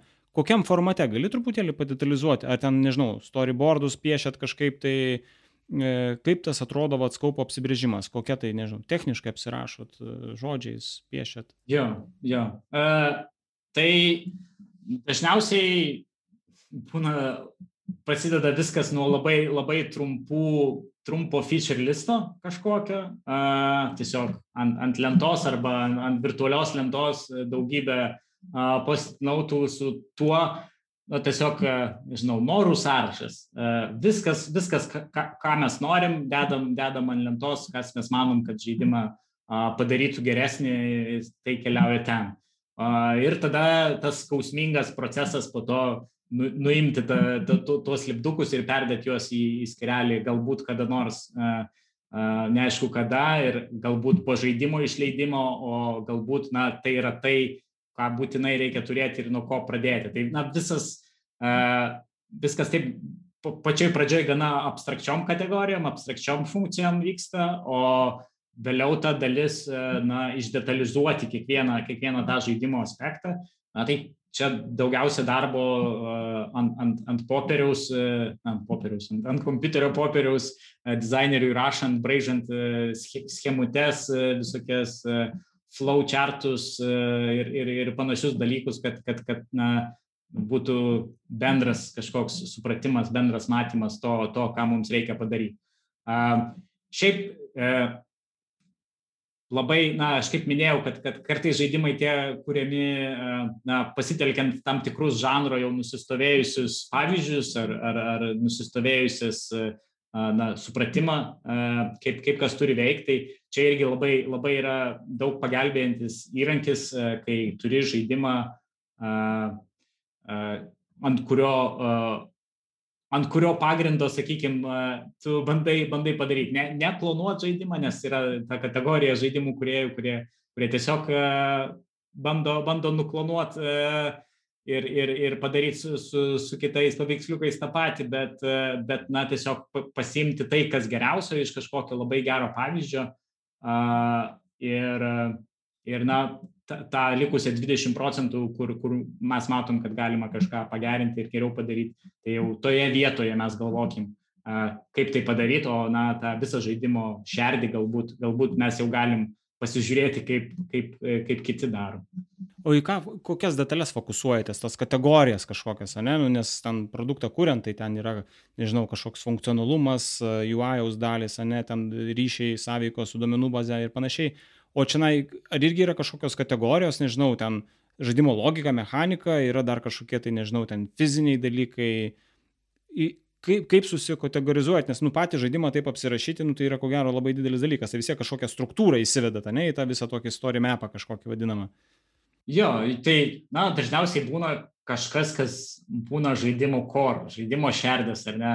Tai be ko žaidimas visai ne, ne, nejuda, neturi prasmės, tai, tai čia šaudikliai būtų tam šaudimas, ten ar, a, nežinau, Candy Crush žaidime, tai, tai na, tas a, galvosūkis a, trijų, trijų vienodų jungimo, tai čia yra tas žaidimo šerdis.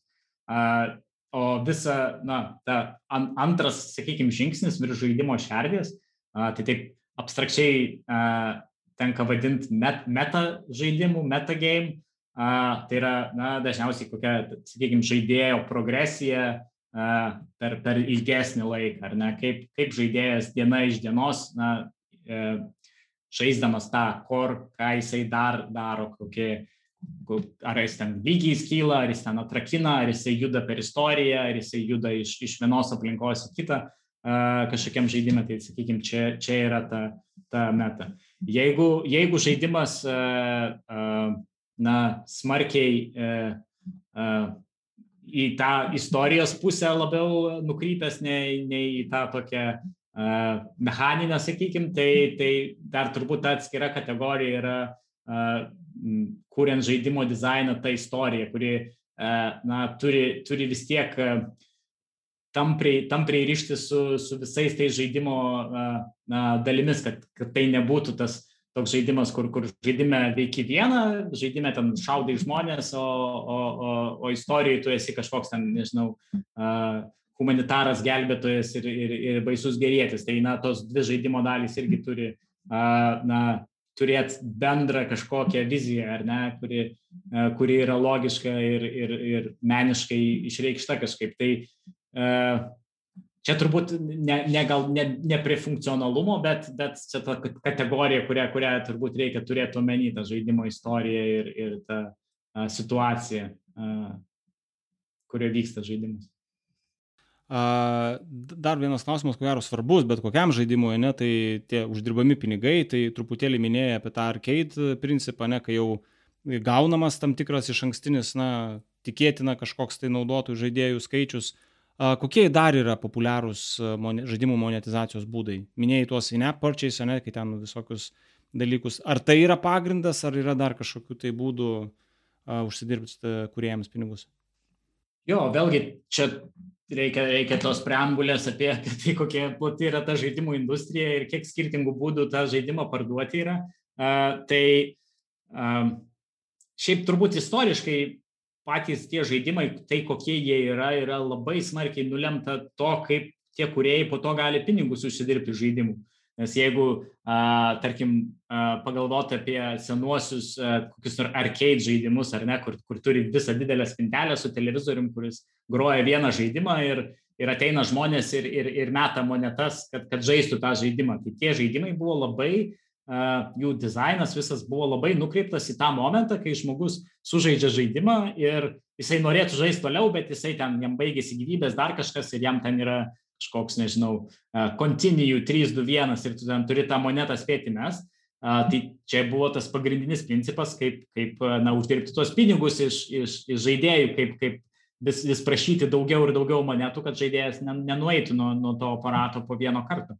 Tai Ir, ir tas žaidimų dizainas labai, labai na, buvo paveiktas to. Tai jeigu, jeigu po to sekė, tarkim, ta konsolių era, na, taip abstrakčiai, abstrakčiai kalbant, ten 80-ieji, 90-ieji, ar ne, kai nėra skaitmeninės distribucijos ir, ir na, žaidimai parduodami fiziniu formatu pirmiausia, tai buvo irgi labai aiškus metodas, kad na, tam, kad įtikintum žaidėją, kad jisai pirktų tą tavo žaidimą, kad sumokėtų pinigus dar to žaidimo nepažaidęs iš esmės tiesiog už tą pažadą, ką tau duos tas žaidimas. Tai na, viskas gana smarkiai buvo nukreipta į, į marketingą prieš, prieš, na, prieš dar pirkimo momentą, ar ne, parodyti, koks nuostabus bus tas žaidimas, kai tu sumokėsi 50 dolerių už, už šitą kompaktinį diską ar, ar, ar ten kertridžą. Tai turbūt tuo pačiu ir, ir visa skaitmeninė distribucija ir, ir na, tie a, mobiliųjų platformų in-app purchases, jos irgi labai turėjo tokią reikšmingą įtaką apie tai, kokie tie žaidimai yra ir, ir kaip jie veikia. Ir na, tas, tas modelis, kuris nugalėjo, sakykime, mobile srityje, buvo, buvo free to play. Tai uh, jisai na, nes, nesakyčiau, visiškai išstumė tą, tą premium žaidimo modelį, bet, bet na, tikrai paliko jam mažai vietos. Uh, tai na, tas modelis, kuomet uh, žaidėjas gauna žaidimą nemokamai, jisai gali žaisti nemokamai ir iš esmės jisai uh, moka už uh, savo laiką. Uh, jeigu aš galiu, uh, nežinau, tūkstantį valandų žaisti ir, ir užsidirbti šitą, šitą kiekį kažkokios žaidimo valiutos ar kažkokių ten taškų ar dar kažko, uh, Tai aš na, galiu tą savo laiką sutaupyti ir, ir, ir atlikti tą pirkimą, kuris man leis visą, visą tą uh, mm, valiutą žaidimo uh, gauti, gauti iš karto ir, ir, ir iš karto ją naudoti ir iš karto na, kažkaip progresuoti žaidime. Tai na, čia toksai gal apibendrintai dominuojantis tas modelis būtų. Uh, ant, ant, jo, ant jo daug, daug, daug uh, visko bandyta statyti, visokių inovacijų, tai ir, ir tas reklamų modelis, sakykime, irgi, irgi buvo, na, nebuvo, bet vis dar yra tam tikra kategorija tų žaidimų, kurie, kurie iš, iš to gyvena ir, ir hyper casual žaidimai ypatingai iš reklamų uždirba pinigus. Na, nežinau, kaip, kaip dabar ta, ta visa rinka pasikeis po visų Apple tų privatumo politikos pakeitimų, kai, kai ten tuos naudotojus trekint ir, ir targetint bus sunkiau, ar, ar tai numuš visas reklamos kainas ir, ir, ir kažkiek pakeis, pakeis tai, tai čia turbūt dar, nors, nors tie pakeitimai kaip jau ir yra, bet, bet dar turbūt jų poveikį, poveikį reikės pažiūrėti vėliau. Um, bet jo, tai tas Apple Arcade'as turbūt toksai vat, naujausias yra uh, būdas uh, monetizuoti tuos tu, tu, tu žaidimus tokiu vienetiniu, uh, vienetiniu pardavimu net ne vieno žaidimo, o visos, visos žaidimų katalogo uh, ir uh, tiesiai žaidėjai. Tai, uh, na, čia gal iš Apple pusės toks noras buvo uh, uh, parodyti alternatyvą tiem free-to-play žaidimams, kurie, kurie na, tiesą pasakius, jie turi tam tikrų ten psichologinio manipuliavimo triukų ir, ir ne visą laiką, ne visą laiką tokių žaidėjo pusėje esančių, sakykime taip, bet tai tas bendras judėjimas link prenumeratų, link to subscriptiono žaidimuose, jisai yra ir ne tik mobile kategorijai, tai e, Microsoftas turi dabar labai stiprų katalogą žaidimų Xbox konsolėms ir, ir, ir asmeniniams kompiuteriams, tą Game Pass. Ir tai toksai kaip ir vyksta na, bandymas, bandymas surasti tą, tą žaidimų Netflixą, e, kur, kur na, vartotojai tiesiog mokėtų tuos, tuos uh, tą prenumeratą ir, ir ne, ne, ne, net negalvotų apie galimybę uh, jos atsisakyti, nes tiesiog nuolatos uh, yra pridedami, na, kaip, kaip Netflix'e kokie nauji serialai, tai nauji žaidimai. Tai, na, be abejo, uh, čia toksai šansas žaidimų kuriejams yra uh, na, gauti, gauti pakankamai e, gerą atsipirkimą savo produktui pakankamai greitai, e, gaunat kažkokią išmoką iš, iš, iš e, tų platformų, platformų turėtojų ir, ir vėliau dar gaunant uh, tuos vadinamus royalties už tai, kad na, tas žaidimas yra žaidžiamas, už tai, kad jis yra populiarus, už tai, kad jam kažkokie galbūt atnaujinimai išeina uh, ir taip toliau. Tai čia, čia tokia kaip ir uh, didelė pinigų injekcija yra žaidimų industrijoje iš, iš, iš na, tų platformų turėtojų, kai, kai kuriejams uh, eina, eina tos išmokos ar, arba, pavyzdžiui, tas Epic Game Store yra toksai asmeninių kompiuterių parduotuvė, kuri uh, na, tiesiog vartotojams dalina nemokamai žaidimus. Kiekvieną savaitę prisijung, paspaus mygtuką ir, ir turėsi savo bibliotekoje kažkokį, kažkokį naują žaidimą. Tai irgi yra net, netgi tiem žaidimams, kurie jau pakankamai ilgai yra išėję, irgi toksai, na, nežinau, steroidai tokie tiem kuriejam toliau kažką dirbti, toliau kažką daryti, bet iš kitos pusės tai, uh, nežinau, uh, aš savo, savo Dievo režimo uh, podcast'e biškai apie tai vis pakalbam apie tai, kad, na tai permeta visa, visus galios svertus tam tikrą prasme į pakankamai siaurą kiekį žmonių, kurie nusprendžia, kokiegi bus tie žaidimai, kuriuos žais vat, visi šitie milijonai žaidėjų. Ir, na, iš kūrybinės pusės tai, na, kelia tokio, šiokio tokio neramumo, ar, ar, ar, ar nesupanašės ten viskas. Bet, bet jo, tai turbūt, jeigu kalbant apie žaidimų monetizavimo būdus, tai, tai reikėtų tas prenumeratas suminėti čia. Bet, jo, kaip aš sakiau, tiek, tiek tas retail modelis, ar ne, kur, kur sumoki pinigus žaidži žaidimą, tiek tas free-to-play modelis, a, jie irgi niekur nedingsta, jie vis dar yra čia ir ne, nepanašu, kad, kad, kad vienam iš jų kažkaip labai grėstų išnykimas kažkoks. Kažkokia bus įvairovės tiek skirtingiams poreikiams, skirtingus poreikius atliepia ir, ir, ir panašiai. Man, pavyzdžiui, vičerio užtenka, ne, bet aš ten kitų nelabai ne, ne, ne norisi pulti ant žaisti, ne, kitas nori tos įvairovės, ne, kas yra irgi patogu. Tai... E, pabaigai galbūt tada dar prieš perinant prie tos paskutinės e, pokalbio dalies, aš dar apie tą žaidimų sėkmę, vat, ne, išleidom, sukūrėm, e, tikriau, sukūrėm, išleidom, pradėjom gauti pinigus kažkokius, tai kaip matuojama žaidimo sėkmė? Vien tik finansiškai ar dar yra kažkokie dalykai, kaip apsibrėžėt, galbūt labiau tai produktiškai, nepaliekant tą finansinę dalį, patys sekat, nežinau, kažkokius tai KPI-sus. Nežinau, sėkmė kažkokia prala, pra, pražaistas laikas, kad yra svarbus ten lygių kiekis ir ką, ką sekat kaip, kaip žaidimo sėkmės indikatorius, rodiklius? Sunku gal palikti visiškai tą finansinę dalį šonį, nes čia vis tiek toksai pagrindinis rodiklis, pagal ką apsisprendžia, kokius toliau žaidimus pavyks kurti. Jeigu, jeigu atėjo sėkmė, tai, tai gerai, bet, bet jeigu ne, tai, tai kas toliau. Bet jeigu apie rodiklius šnekant, tai na, bent jau Mighty Bear mintis būtų tokia, kad svarbiausia yra žaidėjų retentionas.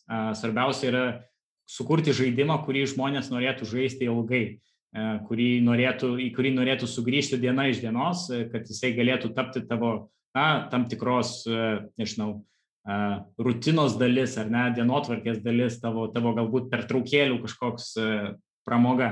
Tai, tai čia yra mm, turbūt pagrindinis kriterijus ir, ir ta žaidimo monetizacija, na, jeigu, jeigu neturi geros monetizacijos, tu ją gali pasitaisyti, bet jeigu sukūrėjai žaidimą, kuris negali žaidimo, žaidėjo išlaikyti ilgą laiką, tai net ir gera monetizacija tavęs net prives prie jokios sėkmės.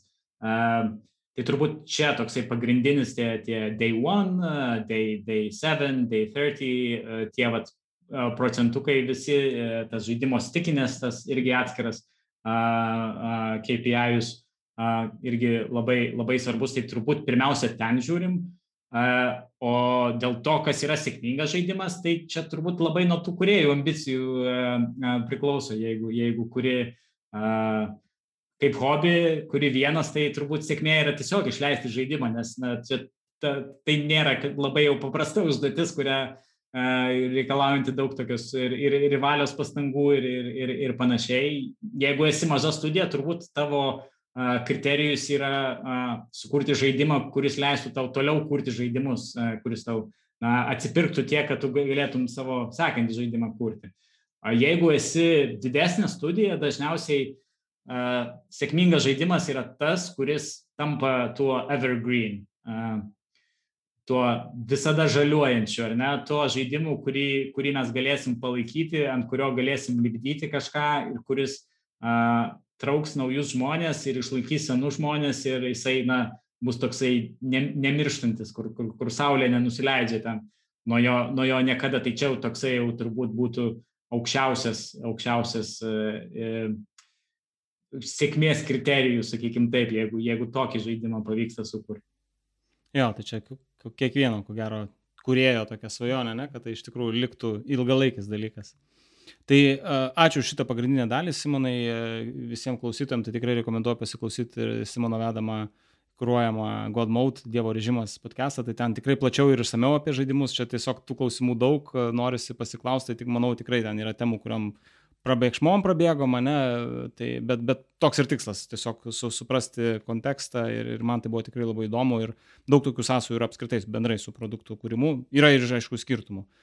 Tai ačiū šitą pagrindinę dalį ir tada jau pabaigai trys uh, trumpi greiti klausimai. Tai pirmas iš jų yra knyga, kurią norėtum rekomenduoti. Ir čia nebūtinai profesinė, tiesiog tas, kas tu jauti, kad galėtų būti įdomu kuriejų auditorijai. Aš uh, gal rekomenduosiu Roberto Sapolskio Behave.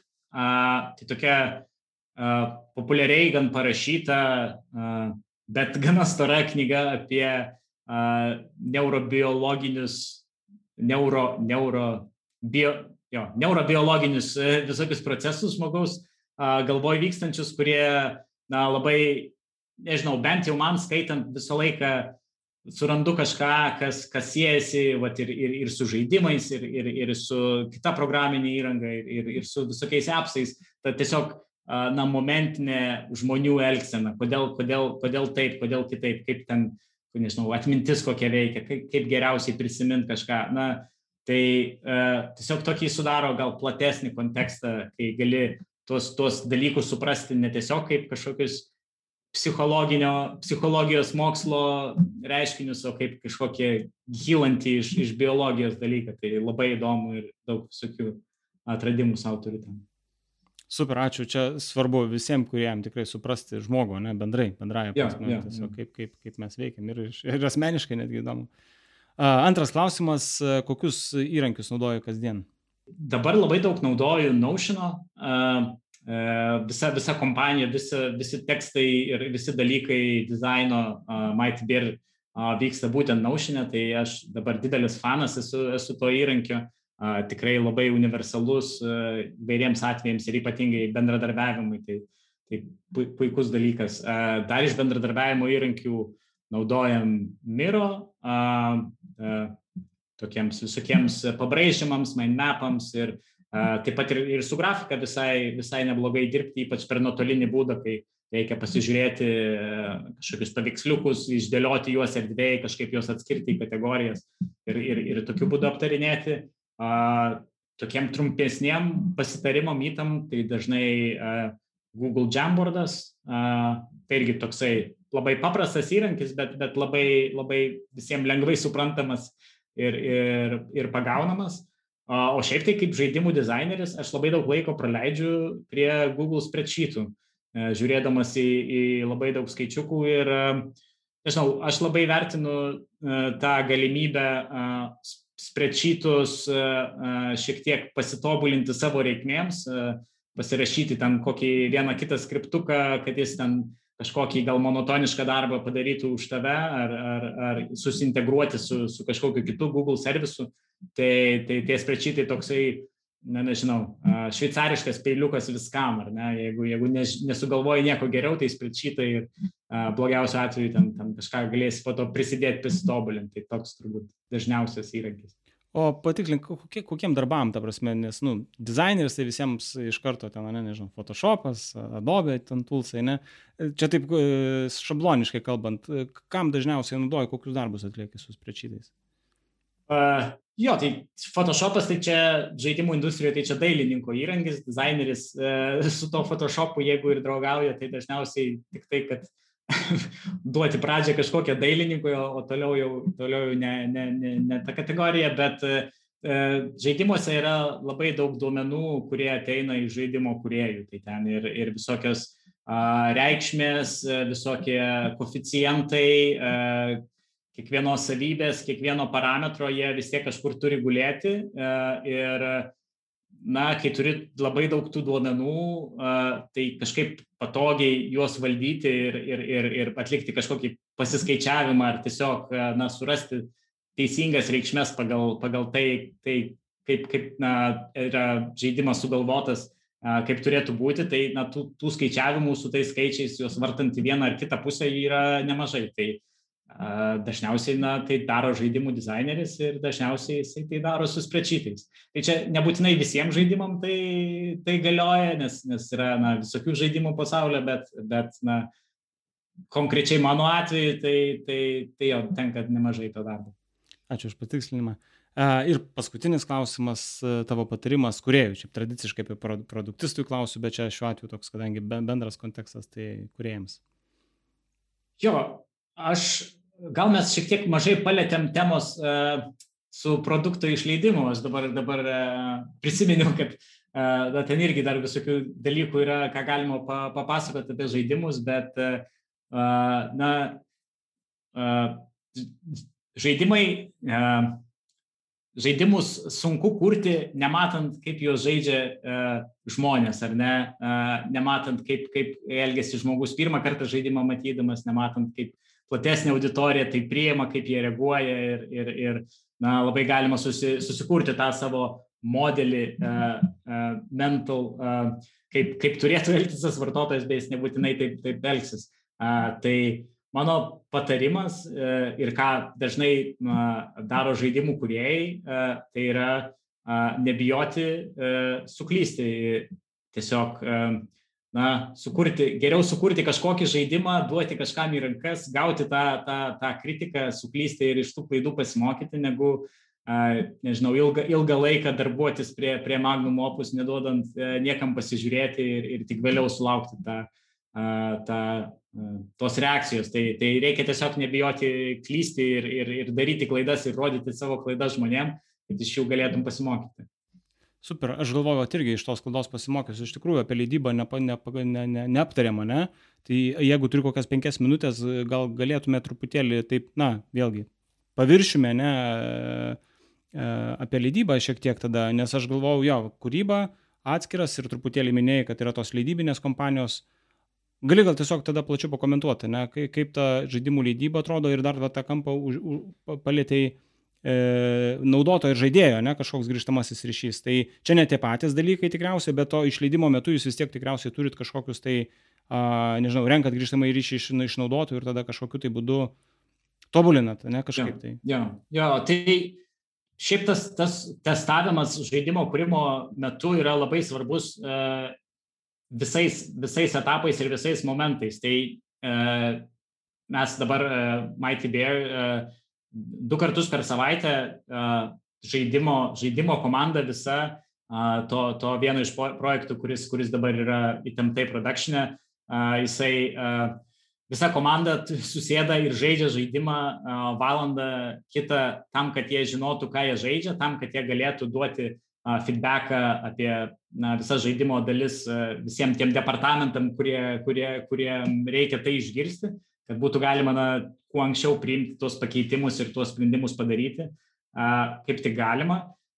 Bet jeigu kalbant apie grįžtamą ryšį iš, iš e, tikrų žaidėjų, tai yra, yra jo, tikrai labai daug įrankių, yra būdai žaidimus testuoti per įvairias platformas, tiesiog duodant prieigą prie jų per klaudą žaidėjams, tai, tie mokami tokie servisai, kaip tu gali, na, nusifilmuoti ar ne, kaip, kaip, kaip tas visas procesas vyksta, bet net ir prieš žaidimo išleidimą dabar, na, įvairiose žaidimų kategorijose tapo gal, gal tik tai išskyrus va, tokius AAA žaidimus yra populiarus tas ankstyvasis žaidimo leidimas. Tai ar yra, sakykime, ant, ant Steam uh, ar ant kitų asmeninių kompiuterių yra tas early access tos programos, kur žaidėjai, uh, tai yra kuriejai leidžia žaidimą na, ne, ne 1.0, o kur kas ankstyvesnė versija tam, kad na, gauti uh, iš vienos pusės ir, ir finansavimą tam tikrą, jeigu yra susidomėjusi, iš kitos pusės ir gauti tą auditoriją, pradėti statyti ir gauti jos nuomonę, tai, ko jie nori, tai, kas jiems svarbu ir, ir, ir, ir tai, kur jie mato, kad galėtų judėti toliau tas žaidimas.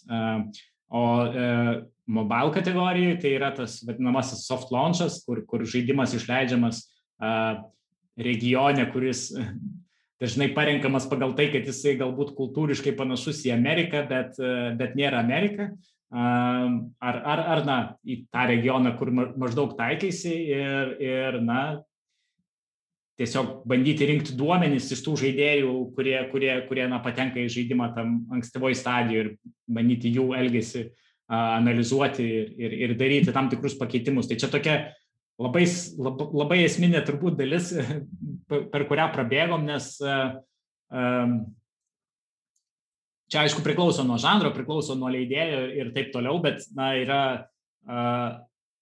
yra tų žaidimų, kurie labai ankstyvoje stadijoje išeina į, į pasaulio šviesą vien tik tam, kad na, gauti tą pasitvirtinimą savo, ar ne, ar tai yra įdomu, ar tai veikia, ar, tai, ar yra kažkoks kelias tolyn dar vedantis, e, kad jeigu mes na, skirsim laiką ir resursus taisyti kažką, ar, ar yra kam tai taisyti. Uh, tai jo, tai toks, toks gal uh, grįžtamo ryšio svarbus etapas, o dėl uh, žaidimų leidėjų, tai, tai jo, vėlgi, vėlgi labai daug skirtingų tų, tų visų variantų yra, kaip, uh, kaip žaidimai leidžiami ir labai, na, tai priklausom nuo, nuo, nuo tos kategorijos, nuo tos platformos. Tai Bet jeigu kalbant apie mobilus e, e, išimtinai, tai na, leidėjo didysis darbas yra surasti tuos vartotojus žaidimui dažniausiai. Jeigu, jeigu yra, na, sakykime, sėkmingas, sėkmingas žaidimas, e, jis neša pinigų daugiau negu kainuoja vienas žaidėjas pritraukti į, į, į žaidimą, tai na, tas leidėjas yra toksai finansinis užnugaris, kuris gali tą, tą ratą sukti naujų žaidėjų, kuris, kuris na, turi atsipirkti, bet, bet na, tai čia to, tos programos tokios, tokios brangokos yra, tai, tai be leidėjo mažas kuriejas to ne, nepatems pats. Tai, uh, na, dažniausiai, uh, pavyzdžiui, uh, uh, Estoti, minėjau tą žaidimų, žaidimų studiją iš Vilniaus irgi, kuria, kuria žaidimus, bet jie dažniausiai tų žaidimų patys neleidžia, jie turi tam tikrus leidėjus, su kuriais bendradarbiauja, kuriem, kurie vat, būtent tuo rūpinasi to žaidimo, žaidimo auditorija. Ar yra įprastas reiškinys kūrimą nuo leidybos atskirt, ar tiesiog... Nesakyčiau, kad įprastas, nesakyčiau, kad neįprastas, labai tų modelių būna visokių. Ir, ir aš pats, kai dirbau Nordkarente, tai Nordkarentas kaip žaidimų leidėjas, jisai uh, pats žaidimus ir kūrė ir, ir tą tų žaidimų kūrimą uh, užsakinėjo pas, pas, pas kitus žaidimų kūrėjus, ar ne? Uh, tai iš, iš, iš Nordkarento pusės ateidavo visas žaidimo dizainas ir, ir visa žaidimo idėja. Ir, uh, leidėjo iniciatyva būdavo kuriamas tam, tam tikras žaidimas, kurį, kuris po to ir buvo leidžiamas. Tai tam, tam tikrų būdų, turint abu tuos pradžią ir pabaigą žaidimo proceso gyvenimo leidėjo rankose ir, ir, ir tas tarpinis žaidimo kūrimas yra, yra jau, jau developerio atsakomybė. Supratau, čia dėl to ir yra tas atskiras podcastas tikriausiai, nes ten tas detalės galima tikrai išsamei aptarti, tai čia į tą nepretenduoju. Šitą, šitą kon konkrečiai laidą, tiesiog norėjosi tokį bendrą supratimą turėti ir šiaip faina, kad yra tų bendrų tokių sąsajų su bendrai tiesiog žiūrint su skaitminiais produktais, bet yra tikrai tų išskirtinumų, kur manau, kad jeigu auditorija norės, tai tikrai galės pasigilinti ir Dievo, dievo režimą klausantis. Tai Ačiū Simonai tau dar kartą, atsiprašau, kad čia taip te, temą pra, prabėgom vieną, bet vat, pasitaisim ir manau, kad gal labai nesusi, nesusigadinom. Tai ačiū dar kartą ir linkiu sėkmės. Ačiū tau.